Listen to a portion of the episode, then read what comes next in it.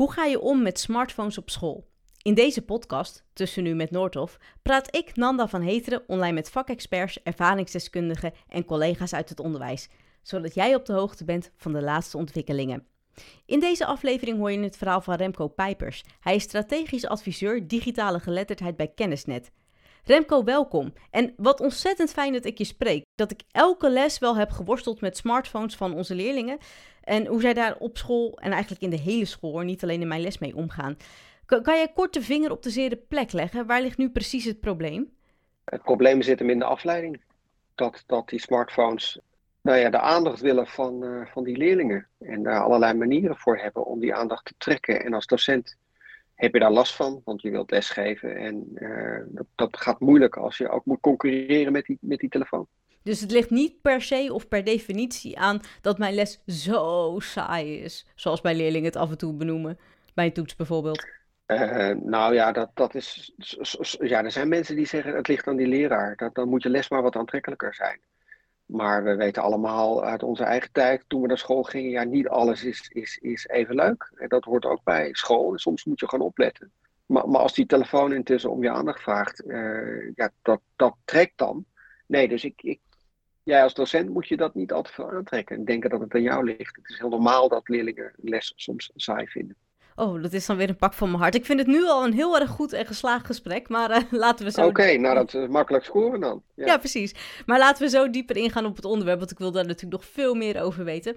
Maar, maar eerst eens over jou. Kan jij iets over jezelf vertellen? Bijvoorbeeld wie je bent en wat jouw werk nou inhoudt? Ja, ik uh, werk bij Kenniset, uh, de publieke ICT-partner voor, voor het onderwijs. dat doe ik nu al acht jaar als strategisch adviseur digitale geletterdheid en ook ethiek. En uh, in die hoedanigheid adviseer ik schoolbesturen en beleidsmakers over wat leerlingen hebben te leren over digitale technologie. Maar ook hoe je daar ethisch naar zou kunnen zullen kijken. En ik onderzoek dan wat kinderen en jongeren online meemaken. En dat deed ik eigenlijk ook al voordat ik bij Kennis en Werk werkte. Eigenlijk al doe ik het al zolang ik werk, hou ik maar bezig met, met het domein jeugd en digitale technologie. Dat is, dat is zo wie ik ben en wat ik doe. Nu ben ik even meteen hardop aan het denken, want het laatste gesprek wat ik in mijn natuurkundelessen had met leerlingen over ethiek, dat ging dan toevallig over euthanasie. Maar dat heeft natuurlijk niets met jouw werk te maken. Maar in, hoe nee, moet ik ethiek dan zien in, in jouw werk als strategisch adviseur digitale geletterdheid bij Kennisnet? Nou, ethiek is, is heel plat gezegd nadenken over het goede. Mm -hmm. en, en wat mogelijk is, is niet per se altijd wenselijk. Hè? Dus, dus hoe kijk je vanuit je waarde naar de inzet van technologie? En dan uh, op die manier kun je bijvoorbeeld ook kijken naar smartphones. Hè. Wat, wat vinden wij nou wenselijk? Wat is het goede om te doen met smartphones? En dan, daar heb je argumenten voor, argumenten tegen, vanuit die waarden. En dan maak je een afweging. En je weegt je waarden. Maar het is heel belangrijk dat we daar ook, ook met betrekking tot technologie in het onderwijs veel meer gebruik van maken. Van ethiek als een methodiek, een manier om te wegen. En, en ja, dat klinkt misschien nog steeds vaag, abstract. Um, nou, het is wel een ja, stuk duidelijker. Is... Want de algemene term is natuurlijk van ethiek de leer van het goede en het kwade. Maar het, het komt nu wel meer naar boven of naar voren van ja, wat het nou precies in deze rol is. Wat maakt je werk eigenlijk ja, in deze, in de... Sorry, mag ik nog één ding toevoegen? Ja, zeker. Ja, je, sorry. Als goed. Ja. Nou, als je kijkt bijvoorbeeld naar een Chromebook in de klas. Hè, dat is dan een apparaat dat je helpt om digitaal onderwijs te genieten, bijvoorbeeld of werk op op te slaan. Het is een goedkoop uh, apparaat. Uh, je kunt er heel veel mee. Het is gebruikersvriendelijk. Het biedt gemak. Maar bestaat ook de kans dat je in dat product dingen doet die Google wel fijn vindt. Uh, dus is het ethisch dan om met Chromebooks te gaan werken? Dat is dus niet alleen een instrumentele kwestie. is dat een goed apparaat? Je denkt er ook ethisch over na. Wil je uh, met Google-producten in de klas werken. Dus dat is, dat is ook een ethische afweging die je kunt maken. Dus, dus we hebben het nu over smartphones en niet over Google. Andere podcast misschien. Maar, Wie weet, uh, is ook interessant zo te horen. Om, we hebben de neiging in, in, in het algemeen om ook naar technologie te kijken als een soort neutraal gereedschap. Dat doet wat wij willen. Maar je kunt er dus, dus ook anders naar kijken. En ik denk dat het hard nodig is om daar anders naar te kijken. Ja, en ook leuk dat je ons dat vandaag in ieder geval, voor zover dat kan, in een podcast ja, ons, ons daarin gaat meenemen en gaat leren. Wat, wat maakt je werk eigenlijk zo leuk? Nou, dat ik de ruimte heb en krijg om het verschil te maken voor, voor kinderen, voor leraren ook. En, en nou ja, we hopen dat we met technologie het goede kunnen doen voor kinderen. Maar in de praktijk kan dat ook heel anders uitpakken. En bij Kennisnet en publieke organisatie heb ik de ruimte om daarover na te denken en scholen te helpen om het goede te doen voor leerlingen met, met technologie. Maar ook te kijken naar waar het niet werkt en, en uh, wanneer technologie in de weg zit en hoe we daar dan uh, goed mee om kunnen gaan. Dus, dus ik ben heel blij dat ik bij Kennisnet die ruimte krijg om dat te doen. Wat is jouw kijk dan op mobiele telefoons op school?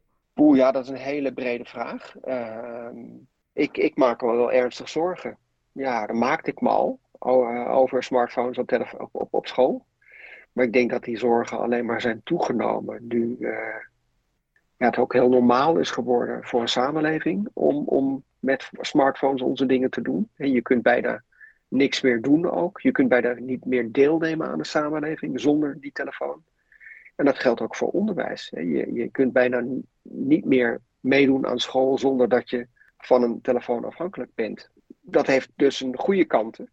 In, in, in, in een aantal opzichten is dat een zegen, maar het kan ook een vloek zijn. En dat zit dus bij elkaar in dat ene apparaatje. En uh, ja, intussen hebben we het vooral over de leerlingen die, die afgeleid raken en niet altijd tot leren komen. Maar we moeten het ook hebben over wat dat betekent voor de docent, die uh, gewoon niet altijd zijn vakken uitoefenen. Ja, die er ook soms grondig van baalt dat hij steeds gestoord wordt door, door die telefoon. Dus, dus al met al zie ik de mogelijkheden. Ik zie ook wat de smartphone ons heeft gebracht, wat het jongeren brengt. Maar er zijn ook heel veel nadelen. En ik denk dat we daar op dit moment enorm mee worstelen. Uh, en dat doen we natuurlijk deels ook wel zelf. Want als we kijken naar blended leren, dus deels vanuit het papieren boek en deels digitaal, ja, dan vragen we misschien ook wel expliciet aan leerlingen van pak alsjeblieft je telefoon. W wat is jouw visie dan op blended leren? Nou ja, ik ben, ik ben geen expert op dat gebied. Dus ik, ik, kan nu wel heel interessant gaan doen en zeggen: dit, dit is mijn visie op blended leren. Ik denk dat dat digitaal heel veel kan bijdragen. Ja, dus dat, dat die apparaten die zoveel mogelijk maken, of dat nu de smartphone is of de laptop of een tablet, dat daar dan ook weer allerlei andere dingen in zitten die, die juist dat leren kunnen frustreren. En hoe je daar dan een goede balans in vindt, dat, dat is en niet alleen dus een didactische, instrumentele vraag. Hoe doe je dat op een goede manier? Daar heb ik weinig kaas van gegeten. Maar kijk je er ethisch naar, dan uh, zie je dat er allerlei waarden botsen, zonder dat we het daar al te vaak over hebben. Dus, dus ja, dat, is waar ik ook voor pleit, dat we uh, naar oog hebben voor moeite die dat, dat apparaat uh, de school inbrengt. En, en ook de manier waarop zo'n apparaat het onderwijs beïnvloedt op een manier die, die niet altijd wenselijk is. Dus, dus blended leren is, is niet alleen maar leren. Het is, het is ook iets dat je waarde beïnvloedt op, op minder positieve manieren. En, en ons daar bewust van worden, dat is belangrijker dan ooit. En kan je dan misschien vanuit het, de ethische kant ook zeggen wat de voordelen zijn van de, van de mix van on- en offline werken? Ik denk dat je met, met, uh, met internet bijvoorbeeld heel veel dingen de klas in kunt brengen die, die je anders niet, niet, niet zou, uh, zou kunnen voorschotelen. Uh, ja, als leerlingen op afstand zijn bijvoorbeeld. Dat hebben we tijdens corona gezien. Dat ICT het mogelijk maakt om toch onderwijs te laten doorgaan. dat het ook voor interactie kan zorgen die een les kan verrijken. Ja, of dat nu een smartphone is of, of, of andere digitale spullen je kunt soms iets toevoegen of kan een leraar helpen om een les te verlevendigen. Dus dat zijn de mogelijkheden die, die digitaal met zich meebrengt. En daar staan dan weer nadelen tegenover. Hoe, vind je daar dan het midden in? Dat geldt niet voor elke school uh, precies zo. Dat, is, dat is ook, kan ook per leraar verschillen. Hoe, wat, wat nou de goede keuzes zijn. Ja, het is, het is moeilijker dan alleen maar goed nadenken over welke spullen je gebruikt en, en op welke momenten dat passend is. Het, het, betekent ook dat je beseft dat er soms dingen gebeuren die je niet voorzien had. En, en dat, dat, eh, dat, dat ook heel veel dingen ook prima zonder computer kunnen. Dat het niet altijd per se met ICT moet. Uh, wat, wat, wat, soms wel de indruk lijkt te zijn. Hè? Dat digitalisering, technologie allerlei problemen op gaat lossen. Of je helpen toch die goede les te geven. Ik denk dat je vooral, vooral eerst een hele goede leraar moet zijn die, die soms ook gewoon digitale toepassingen kan, kan inzetten als dat passend kan zijn. Maar dat, dat je niet te snel toe moet naar die digitale oplossingen. Zonder nagedacht te hebben over wat je eigenlijk onder goed onderwijs verstaat. Nu is dat hè, wat je onder goed onderwijs verstaat misschien wel voor iedere school verschillend. Ondanks dat het centraal schriftelijk eindexamen natuurlijk wel voor elke school hetzelfde is. Maar hoe gaan dan de meeste scholen in Nederland met leerlingen en met hun smartphones om? Nou, TeacherTap, uh, een app die dagelijks vragen voorlegt aan leraren. Uh, Amber Walraaf is daar onder meer bij betrokken van de Radboud Universiteit. Die, die heeft ook net vragen uitgezet onder docenten.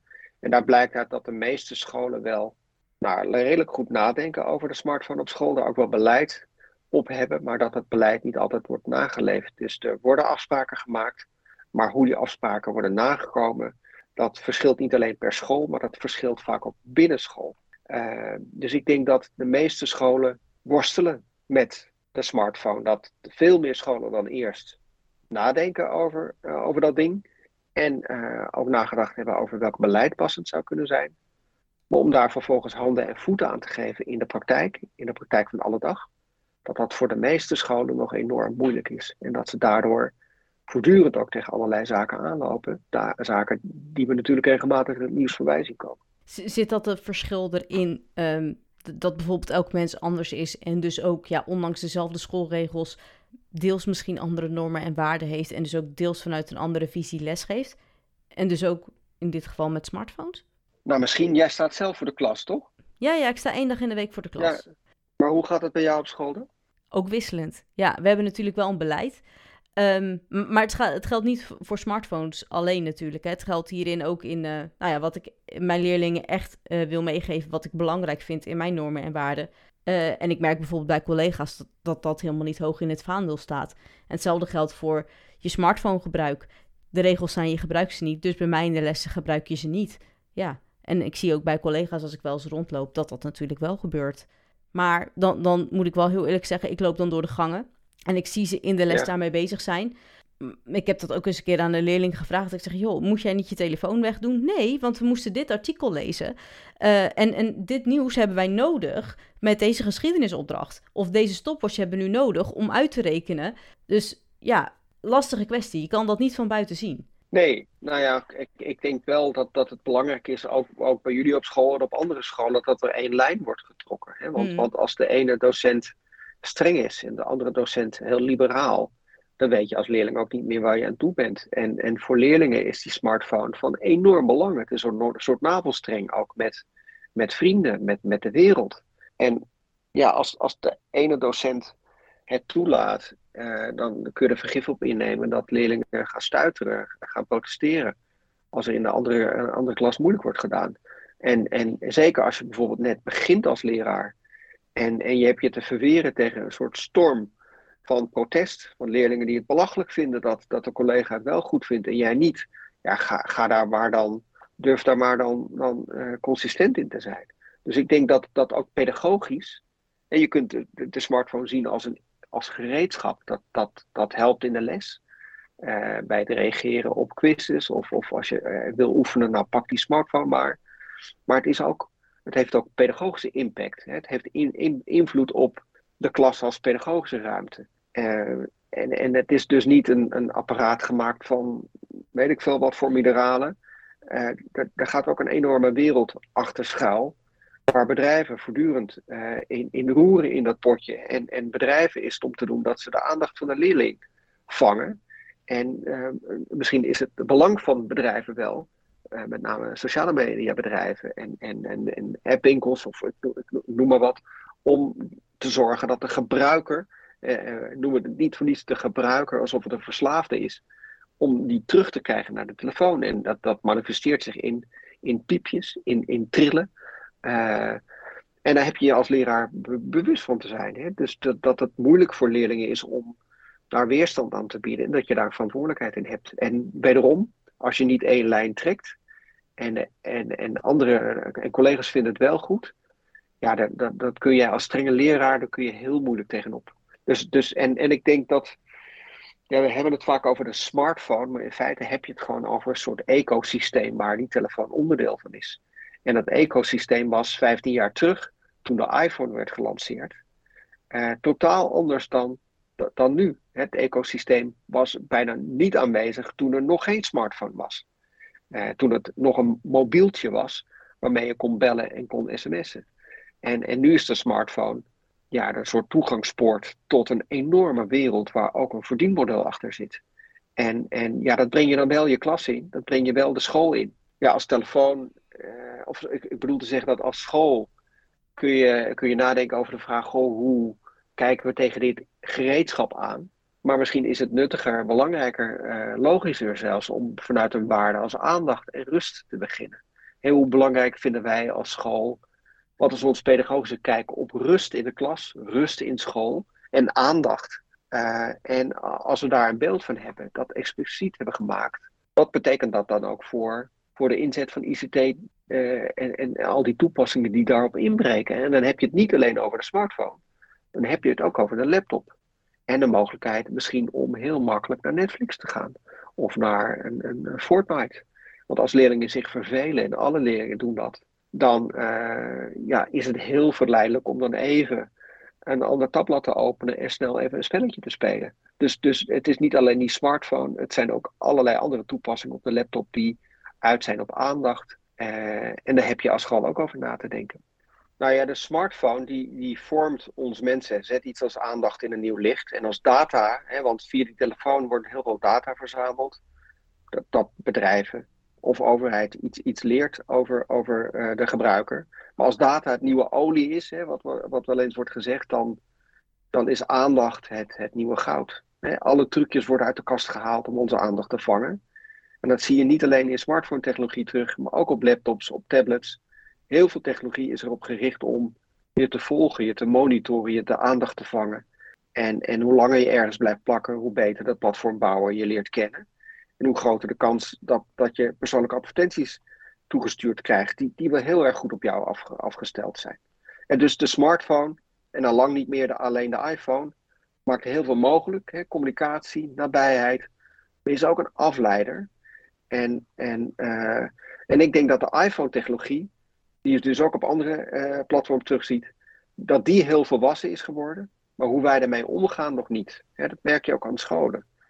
Uh, dat, dat, dat, wij misschien nog, nog in, in, in een soort kindertijd zitten wat, wat uh, onze kijk op ermee omgaan betreft. Nou ja, dat is wel een zorgelijke ontwikkeling. Want, want hoe bedrijven technologie ontwikkelen, die gaan heel rap. En hoe wij ons ertoe verhouden, dat is een enorme worsteling. Dus daar hebben we echt wel een enorme stap in te zetten. Maar dat zijn wij natuurlijk niet alleen als Nederland zelf. Hoe, hoe gaan dan de landen om ons heen bijvoorbeeld om met de ontwikkeling van leerlingen en smartphones? En leerlingen met smartphones op school? Nou, ik denk dat elk, elk land uh, loopt hier tegenaan. En als je het specifiek uh, toespitst op, op smartphones, dan heeft Frankrijk er verbod ingesteld. En ook hier wordt er over gesproken of dat wenselijk zou zijn. Uh, of dat verbod ook in andere landen geldt, daar heb ik, heb ik niet zo goed zicht op, als ik heel eerlijk ben.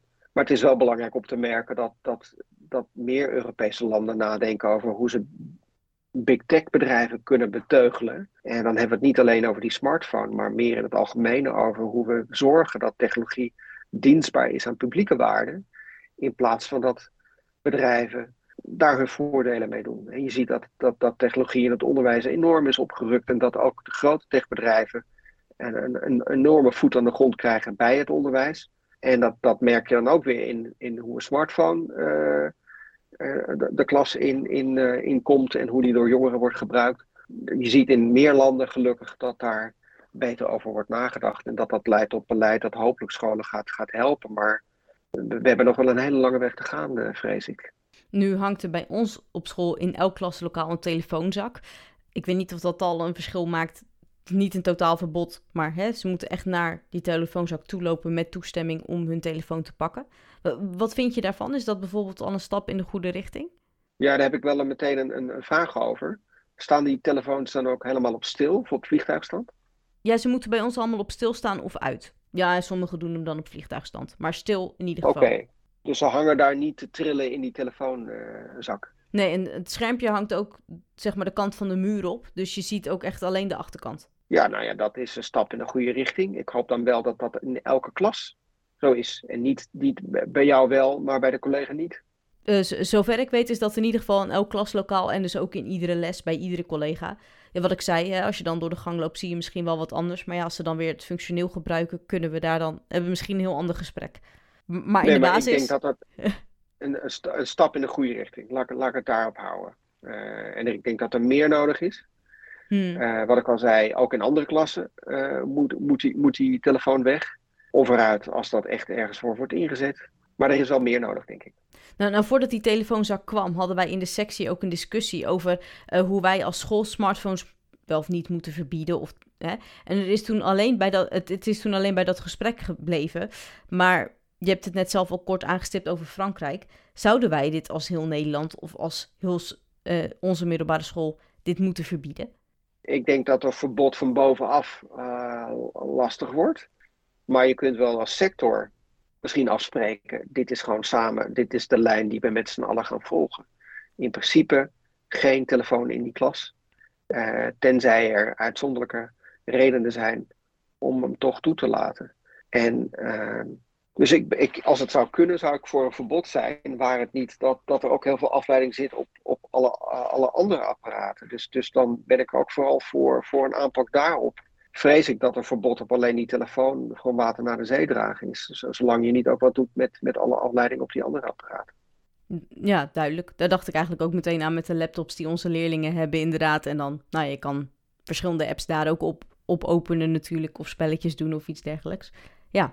Nou ja, je moet, je moet ergens beginnen. Ik, ik zie nu, als ik, als ik het onderzoek van TeacherTap uh, bekijk, dat, dat uh, schoolleiding en bestuurders zich vaak niet echt duidelijk uitspreken of toezien op naleving van beleid dat wel eens is vastgelegd. Dus als er afspraken zijn, uh, dat, dat, dan, ja, dat dat niet wordt nageleefd. Dus, dus, en, dat is voor leraren, zeker voor beginnende leraren, gewoon heel problematisch. Dus, dus in die zin zou een duidelijke lijn die smartphones niet meer de klas in dat dat enorm veel verschil maakt. Dus, dus we zouden toch wel het gesprek moeten voeren over hoe we dat zouden kunnen gaan regelen. Maar tegelijkertijd zitten, kleven daar weer allerlei uh, uh, andere zaken aan. Um, in hoeverre is de aandachtspannen van leerlingen sinds de intrede van de smartphone dan verminderd? Want voor hun telefoon hebben ze, in mijn les dan, hè, als het moet, heel veel aandacht. Uh, en soms heel weinig voor de sommen van natuurkunde. En of die smartphone heeft geleid tot een kortere aandachtspannen, zeg je? Ja, bijvoorbeeld. Of juist alleen op de dingen die zij belangrijk vinden. Nou, er is vast onderzoek dat, dat laat zien, uh, het, het, heeft geleid tot, tot minder aandacht. Ik denk dat er gewoon heel veel verschillen zijn, ook, ook tussen jongeren. Dat er heel veel kinderen zijn bij wie dat uiteindelijk niet, niet echt uh, problematisch is. Uh, dat er kinderen zijn met een mindere impulscontrole die daar wel enorm onder gebukt gaan. last hebben van die telefoon en, en alles wat via die telefoon binnenkomt. Maar kijk, kijk een klas in, kijk in de trein wat mensen doen. Mensen, niet alleen jongeren, maar ook volwassenen kunnen moeilijk loskomen van die smartphone. Dus, dus dat geldt ook voor kinderen. En, en voor jongeren, voor leerlingen heb je daar uh, mee te maken. Dus, dus als die telefoon in de buurt is, dan denk ik dat het voor heel veel kinderen bijna onmogelijk is om daar dan vanaf te blijven. Zijn er dan meer of andere veranderingen bij leerlingen merkbaar door de komst van mobiele telefoons? Bijvoorbeeld uh, minder sociale interactie in het klaslokaal zelf tussen leerlingen, of leerlingen die minder bewegen, of, of misschien ook positief hoor, dat ze meer weten over bepaalde onderwerpen, omdat je juist makkelijk informatie uh, opzoekt waar je nog niet veel van af weet. Nou ja, je, je, je kunt je geen uh, jongeren voorstellen zonder die telefoon. Dat, dat, en, en daar zijn met name sociale media uh, David aan. Die, die, die, vormen hun wereld. Snapchat, Instagram, ze, ze, kunnen niet zonder. Dus het is een manier, de manier voor ze om met elkaar te communiceren. En we weten uit onderzoek hoeveel dat bijdraagt. Dus we zien vooral dat het ze heel veel brengt. Dat het heel veel mogelijk maakt. En in die zin dus een zegen is voor ook jeugd. En we zien ook een andere kant. En dat, dat is de vloek waar we het eerder over hebben gehad. Uh, dat het bij jonge mensen inderdaad kan leiden tot minder beweging. Dat het enorm kan afleiden en leidt tot concentratieproblemen. Zeker als je thuis huiswerk moet maken en die telefoon ligt ernaast. Dan is, is niet iedereen in staat om daar nou ja, uh, weerstand tegen te bieden. Maar, binnen die jonge generatie zijn er heel veel verschillen ook weer tussen, tussen kinderen. En dat zit er niet alleen tussen, tussen VWO'ers en VMBO'ers. Je ziet ook bij VWO'ers uh, heel veel verschillen tussen, tussen kinderen. Kinderen die daar mee om kunnen gaan, die daar minder mee om kunnen gaan. Die wel tot beweging komen, niet tot beweging komen. Vaak heeft dat te maken met ook gewoon de thuissituatie. Dus ja, ik kan daar in algemene zin niet zoveel over zeggen. Dat, behalve dat, dat die smartphone en, en sociale media jeugd vormen. Eh, op, op verschillende manieren, positief en negatief. Nou, gezien de complexiteit van dit onderwerp lijkt het me ook ja, heel logisch dat je niet een rechtlijnig antwoord kan geven. Maar ja, dat er heel veel mitsen en maren en dergelijke aan vastzitten. Misschien dan ook aan de, aan de volgende vraag. Want wat vind je dus van allerlei apps die ontwikkeld worden voor leren hè, op je smartphone? Maar ja, op die manier krijgen leerlingen wel meer scherptijd. Ja, en een ander ding dat we niet mogen vergeten is, is dat zijn alle, ook allemaal manieren vaak om kinderen ook te volgen. want dat zijn geen spelletjes die je speelt op je smartphone zonder dat iemand meekijkt. Of dat zijn geen leerapps waar je vrij gebruik van maakt, maar er wordt altijd meegekeken. Iemand die dat opslaat. Is het niet het bedrijf, de ontwikkelaar van die leerapp?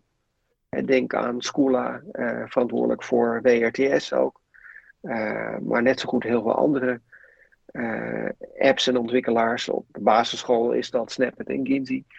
Uh, heel veel wordt gemonitord en ook de school doet eraan mee. Die legt ook heel veel vast van, van kinderen. Dus, dus uh, schermtijd, enorm. er zijn kinderen die soms negen uur per dag op een scherm koekeloeren.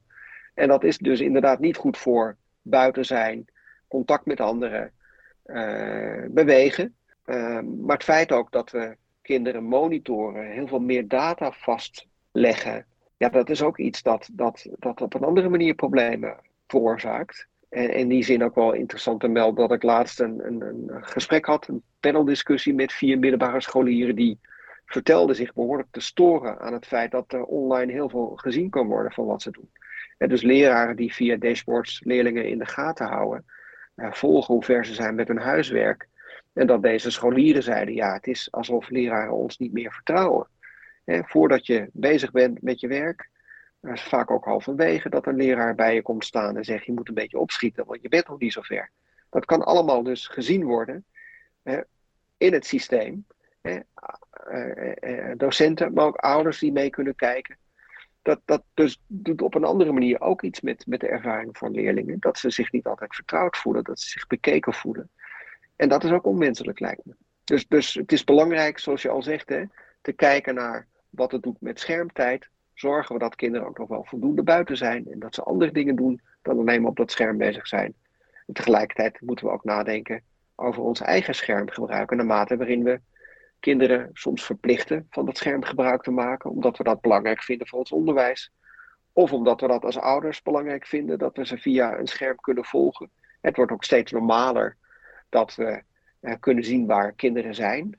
dat, dat, dat, dat kun je dan op je iPhone of op je, je, je andere telefoon uh, gewoon zien. En dat is ook meer een ethisch vraagstuk. Moeten we uh, kinderen wel in die mate gaan monitoren? Dus er kleven meer bezwaren aan, aan schermgebruik. Ja, ja, snap ik. Ja, het moet heel even landen, want het is inderdaad, uh, nu, daar, nu je zo zegt, ja, inderdaad. Maar, maar is het dan ook zo, want dat is misschien een, een beeld wat ook heerst, dat alle leerlingen heel makkelijk omgaan met apparaten, doordat ze juist allemaal digital net, uh, net, digitaal... Natives. Ja, inderdaad. ik kwam er even niet uit. Zijn, of, of, of zijn er ook juist leerlingen die juist moeite hebben om bij te blijven en het toch een beetje zo wegstoppen, hun vaardigheden, als, als angst of het gebrek aan vaardigheden? Nou, er zijn, kijk, heel veel spullen, uh, heel veel digitale spullen zijn zo makkelijk in gebruik dat elk kind was kan doen. En je kunt heel makkelijk een, een filmpje maken met je telefoon. Je, je kunt heel veel meer, ook, ook creatief gezien. En dat geldt dan ook voor alle kinderen tegelijkertijd. Als je wat dieper kijkt, dan, dan uh, merk je enorme verschillen tussen kinderen, ook in digitale vaardigheden. Er is echt wel een grote groep die digitaal laaggeletterd is. Die uh, zich makkelijk laten manipuleren commercieel gezien. Uh, zich laten oplichten, laten verleiden tot het doen van online aankopen. En pas later doorhebben dat ze dat beter niet hadden kunnen doen. Soms als de ouders de rekening moeten betalen. Als het gaat over, over desinformatie, die makkelijk informatie geloven die, die absoluut niet waar, uh, waar is. Ehm, daar heb je kennis voor nodig, daar heb je vaardigheden voor nodig, die kinderen vaak niet van huis uit meekrijgen. En sommige kinderen wel, en die staan dan ook op voorsprong. Dus daar kan de school een belangrijke rol in spelen. En ik denk dat het ook nodig is dat, dat de school daar een rol in speelt. Omdat, omdat die kloof wel groter lijkt te worden als je het hebt over digitale vaardigheden. Er wordt vaak inderdaad gesproken van de digital natives. En volgens mij is dat een begrip dat al uit het jaar 2003 of 4 komt. Mark Prensky die dat in een boek beschreef. De digital natives en de jonge generatie versus de digital immigrants. Wij als volwassenen die nou ja, niet opgroeien met, met digitale middelen en, en ook ons stinkende best moeten doen om bij te blijven. Nou ja, inmiddels weten we ook uit onderzoek dat dat een mythe is, dat, er, ja, dat ook jongeren niet vanzelf digitaal vaardig worden. Daar hebben ze toch ook begeleiding mee nodig. En dat hangt dus nu vooral van, van, uh, van thuis af. In, in hoeverre ligt die verantwoordelijkheid juist voornamelijk thuis? Of zeg je van nou, de school heeft er ook in bepaalde mate een verantwoordelijkheid in om uh, leerlingen juist digitaal geletterd te maken? Dat is een gezamenlijke uh, verantwoordelijkheid als het gaat over opvoeden en je netjes gedragen op sociale media, dat is toch vooral iets voor de ouders. Maar heb je het over uh, goed kunnen lezen en schrijven en ook begrijpen wat er online wordt gezegd, uh, dan, dan, hoop je toch ook dat, dat in een vak als Nederlands aandacht wordt besteed aan hoe een online tekst eruit ziet en hoe daar wijs uit kunt worden. Alleen, ga er maar aan staan als docent om daar dan ook goed in les te geven. Niet alle docenten zijn daartoe in staat. En, en ja, de vraag is ook even of, of het realistisch is om dat nu van leraren te verwachten als ze daar niet voor worden opgeleid. Dus het betekent ook dat we ook niet meteen de hele wereld moeten verwachten van, uh, van de school. He, uh, er gaan kerndoelen digitale geletterdheid komen. Uh, in de kernvakken zal er straks geëxamineerd worden. ook op digitale vaardigheden in de context van die examenvakken. Dus we moeten leraren helpen om nou ja, dat goed te doen.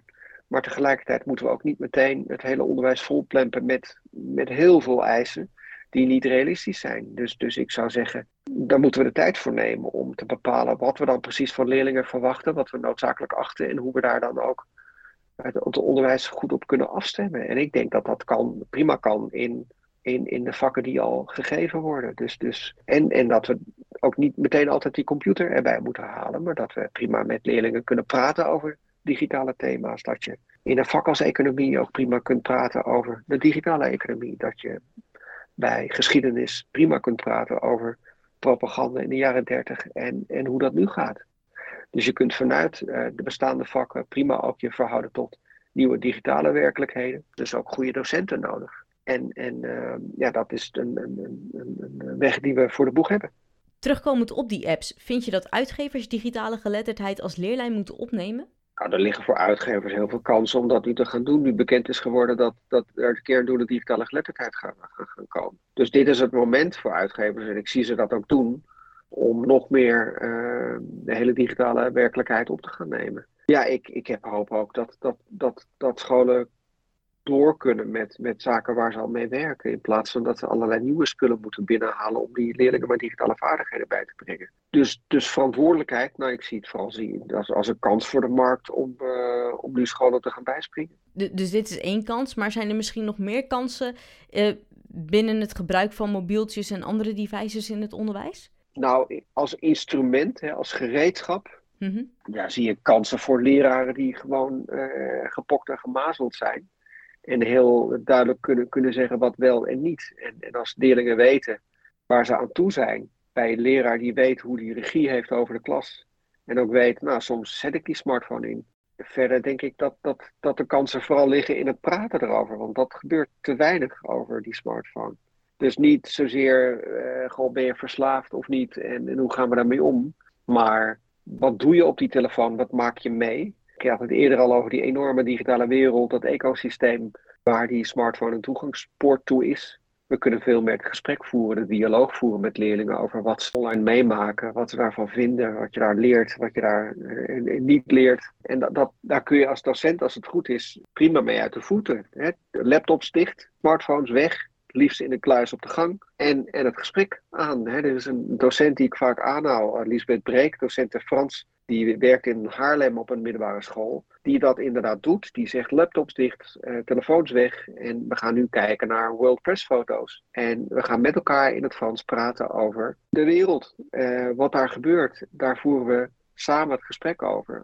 En, en tegelijkertijd kijkend naar foto's van mensen met telefoons bijvoorbeeld, eh, geef je met je leerlingen betekenis aan, aan de dingen die je meemaakt. En, en dat is extreem belangrijk. We weten ook uit onderzoek dat samen praten eerder leidt tot digitale geletterdheid. Hè? Dus het begrijpen bijvoorbeeld van de digitale wereld, dan dat je nou per se spullen inzet, gereedschap inzet. Ik denk dat de leraar in die zin zoveel belangrijker is dan, dan die spullen. Nu zeg je net in je antwoord dat er over praten uh, zojuist digitaal geletterd of meer digitaal geletterd maakt. Maar als ik dan bijvoorbeeld kijk naar het nieuws, hè, dan komen regelmatig de gevolgen van smartphones negatief in het nieuws. Uh, denk aan ons concentratievermogen dat afneemt, de motoriek van jongeren achteruit holt. Um, ja, en nou ja, hè, die uren achter een smartphone zijn ze meestal niet buiten en, en bijvoorbeeld ook hun zicht. Maar ja, we weten natuurlijk allemaal, smartphones gaan niet meer weg en bieden ook kansen. Hoe kunnen docenten juist het beste omgaan met die smartphones en die kansen? Deels door erover te praten, begrijp ik. Maar misschien ook door ze op een andere manier in te zetten? Nou, ik zou vooral willen zeggen, we moeten het hebben over schoolleiders en over bestuurders. Hoe zorg je dat uh, docenten uh, goed lesgeven, waarbij die uh, telefoon geen stolzerde is. En, en nou ja, dat je inderdaad op sommige momenten misschien die, die, die tools kunt gebruiken. Maar ik denk dat de uitdaging niet zozeer bij docenten ligt, maar bij schoolleiders, teamleiders, bestuurders, die één lijn moeten trekken in wat je wel en niet doet. En, en ik denk dat je bijvoorbeeld als onervaren leerkracht die net van de leraaropleiding komt, ja, dat je daar zelf die, die, die verantwoordelijkheid niet, niet aan moet. dat is een onmogelijke klus. Je kunt het niet van die telefoon binnen en niet, je kunt ook niet verslaafde jongeren vertellen dat ze, dat ze uh, niet moeten zeuren. Want, want ja, je kunt jongeren niet kwalijk nemen dat ze de die telefoon willen grijpen. Dus, dus ja, als je vraag luidt, uh, hoe kun je als docent inzetten op die kansen en omgaan met ook de, de, de nadelen. Ja, ik zou dat toch graag willen pareren met de uitdaging voor schoolleiders en uh, teamleiders en bestuurders. Zorg voor sterke leraren. En sterke leraren zijn gebaat bij aandachtsvolle uh, ruimte. Een, een, een klas waarin aandacht kan zijn voor de stof voor wat een leraar te vertellen heeft. Daar kan uh, eh, ICT ongetwijfeld soms bij helpen, maar vaak ook helemaal niet. Ja, en, en weet dat dus niet alleen die smartphone in de weg kan zitten, maar ook allerlei aandachtstrekkers uh, op, de, op, de, op de toepassingen die we steeds meer de klas in, in, uh, inrijden. En dat is echt uh, een zaak waar we veel te, veel, aandacht, veel te weinig aandacht voor hebben. Voor het feit dat ook die, al die, al, dat digitale onderwijs ook stoorzenders in zich hebben als, als zijnde paard van Troje. Paarden van Troje. Dus, dus ja, dat is een lang antwoord op, op, op, op een vraag die je, uh, waar je misschien een ander antwoord bij verwachtte. Nee, ik verwachtte niet per definitie uh, iets. Ik ga wel heel gewoon open het gesprek in. Maar dit is een heel duidelijk statement naar uh, de schoolleiders toe en ook wat docenten hierin min of meer zouden kunnen doen, afhankelijk van die schoolleiders. maar we hebben ja, ik, denk dat we het, ik denk dat we docenten soms te moeilijk maken. Dat we te weinig zorgen voor, voor docenten door onduidelijk beleid, door slecht naleven van beleid. Die klas, dat moet een vrije klas zijn, waarin de leraar ja, te maken heeft met leerlingen die de les misschien soms saai vinden, maar dat hoort erbij. En hoe meer stoorzenders die klas in, hoe moeilijker het wordt voor een leraar om tot effectieve leertijd te komen.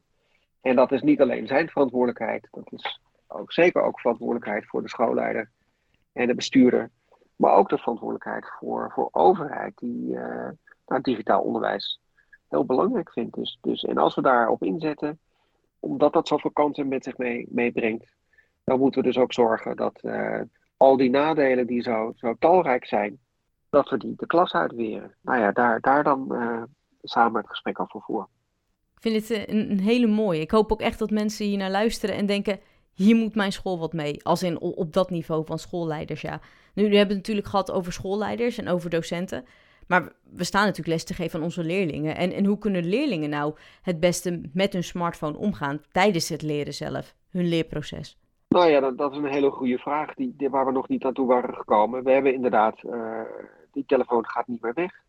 Het feit dat de ICT zoveel aandacht opslokt en waar verdienmodellen achter zitten, ook dat gaat niet meer weg. Al hopen we natuurlijk dat we daar wel wat aan kunnen doen, dat dat minder erg uh, wordt.